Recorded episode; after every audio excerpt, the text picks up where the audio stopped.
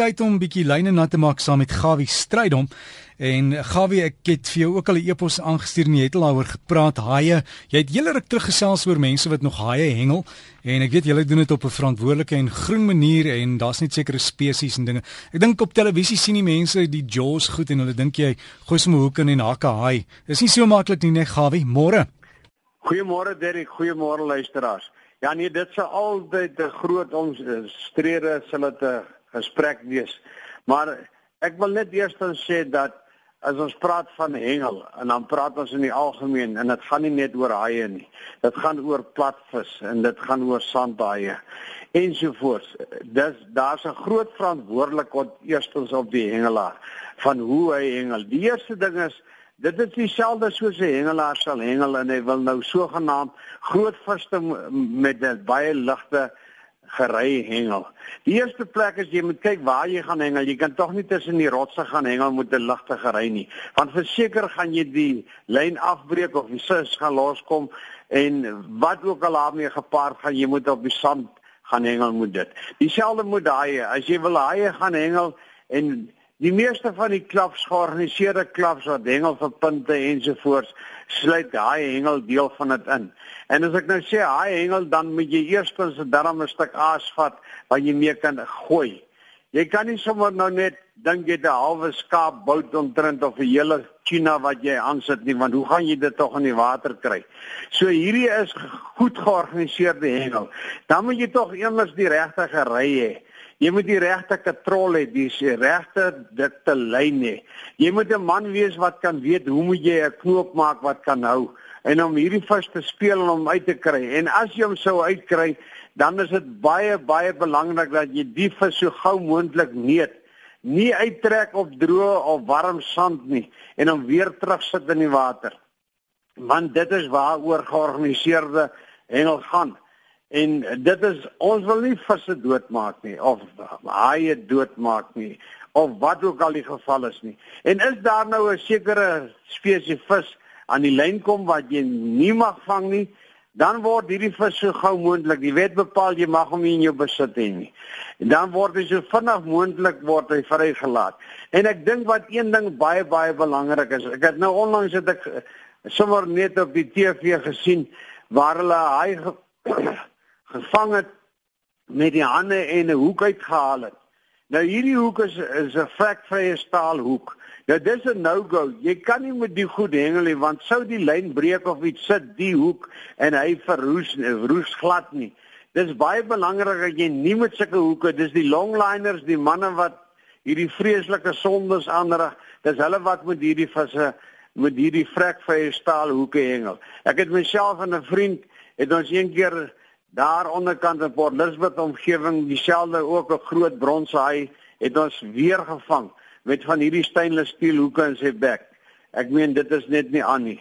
Ons praat dit nie goed nie en as ons hengelaars het of sien en hulle so vir ons verantwoordelik hengel hulle glad en geen klap en geen glad nie welkom in enige georganiseerde hengel nie. Nou ja, u is baie welkom met my daaroor dit uh gesels en stuur gerus vir my die nodige inligting en, en dan kan ons dit verder opvolg.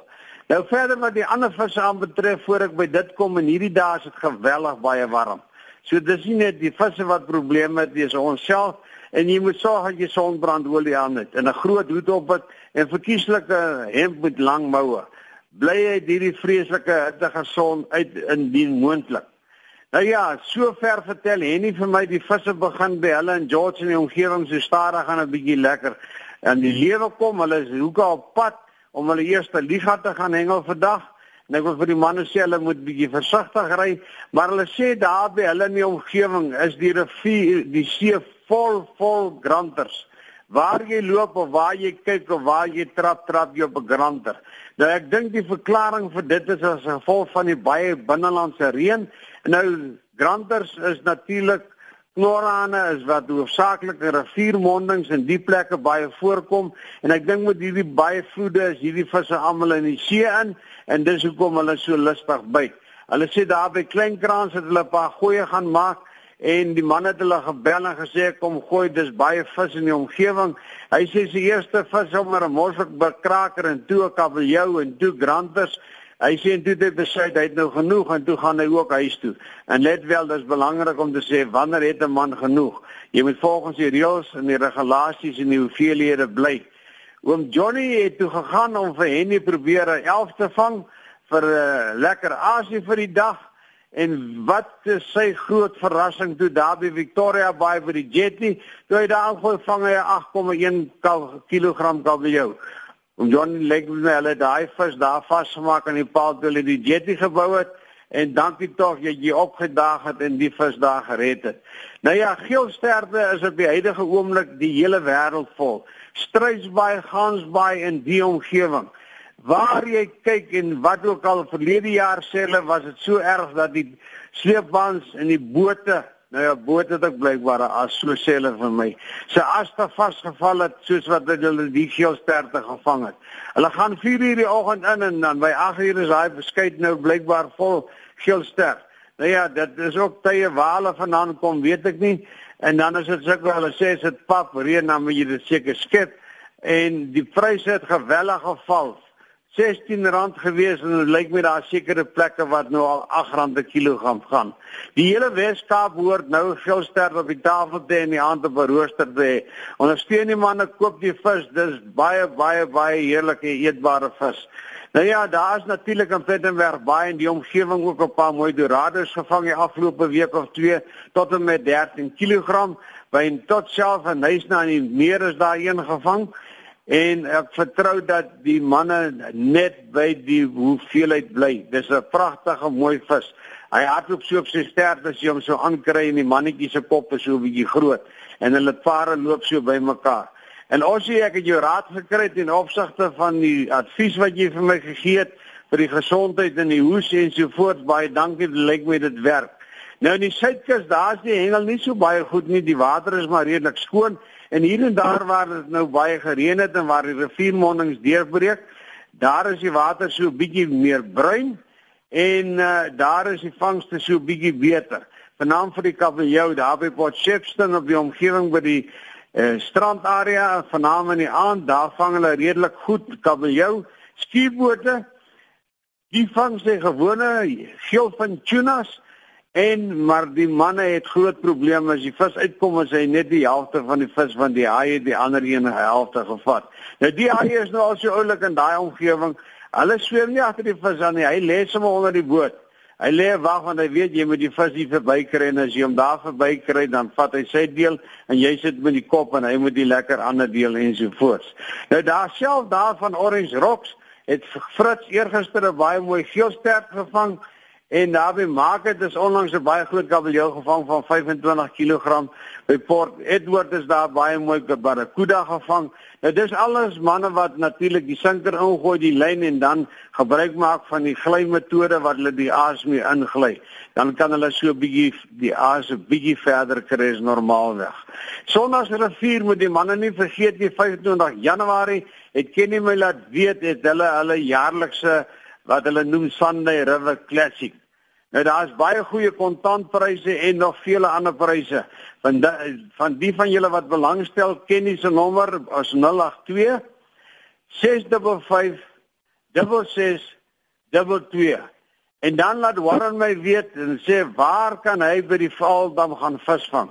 Nou ek wil net vir u sê Warren die Vaaldam is baie groot, meer as 100 km daarom in omtrek en dit hang af kom jy van die oos, wes, suid of noorde kant af, laat my weet van watter kant jy verkies om te kom, dan gaan ek jou laat weet waar jy kan gaan visvang. So Dwana Bay, Jannie Nel het gister verjaar van my lady en ek hoop Jannie jy het 'n baie goeie hengeljaar wat vir jou voorlê. Hy sê vir my die watertemperatuur is geweldig hoog, kan jy glo? Die see temperatuur op die oomblik 27,4,5 grade. Dis baie warm, jy kan 'n koffie maak. Hy sê sy swembadwater is 32 grade. Nou as gevolg van die hitte, die kingfish, die groot GT's, hulle loop op die oomblik baie goed en natuurlik dan die kutas. Baie mooi kutas. Die grootste op hierdie oomblik is so plus minus 17 18 kg. Hy sê maar as gevolg van die hitte, as jy die vis in die lyn sou kry, hy spook nie baie nie, hy's maar redelik lui. Ek dink dis al die hitte ensovoorts so 'n bietjie minder suurstof moontlik in die water. Nou hierdie uit begin van Maart maand, dan hengel die mynmanne hulle eerste weer jaarlikse kompetisie daar en dan self die top 10 kompetisie gaan plaasvind. In Cape Vidal ook die eerste week in Maart maand. En dan nie vergeet nie ek het verlede naweek gesê die Tiervis Bonanza is om die draai. Nee dit is nie om die draai nie dis eers in September. Ek wil dit net regstel die 25 26 27 September Baie dankie Elise Jordan waarvan Shaya Manzi bote 1 en 2 wat my laat weet het. En natuurlik in die OP, daar is die water baie skoon. Hulle het ook hulle eerste kompetisie, maar by die Sondagsrivier is daar 'n groot skeetand daai gevang weer teruggesit in die water, so plus minus 150 kg.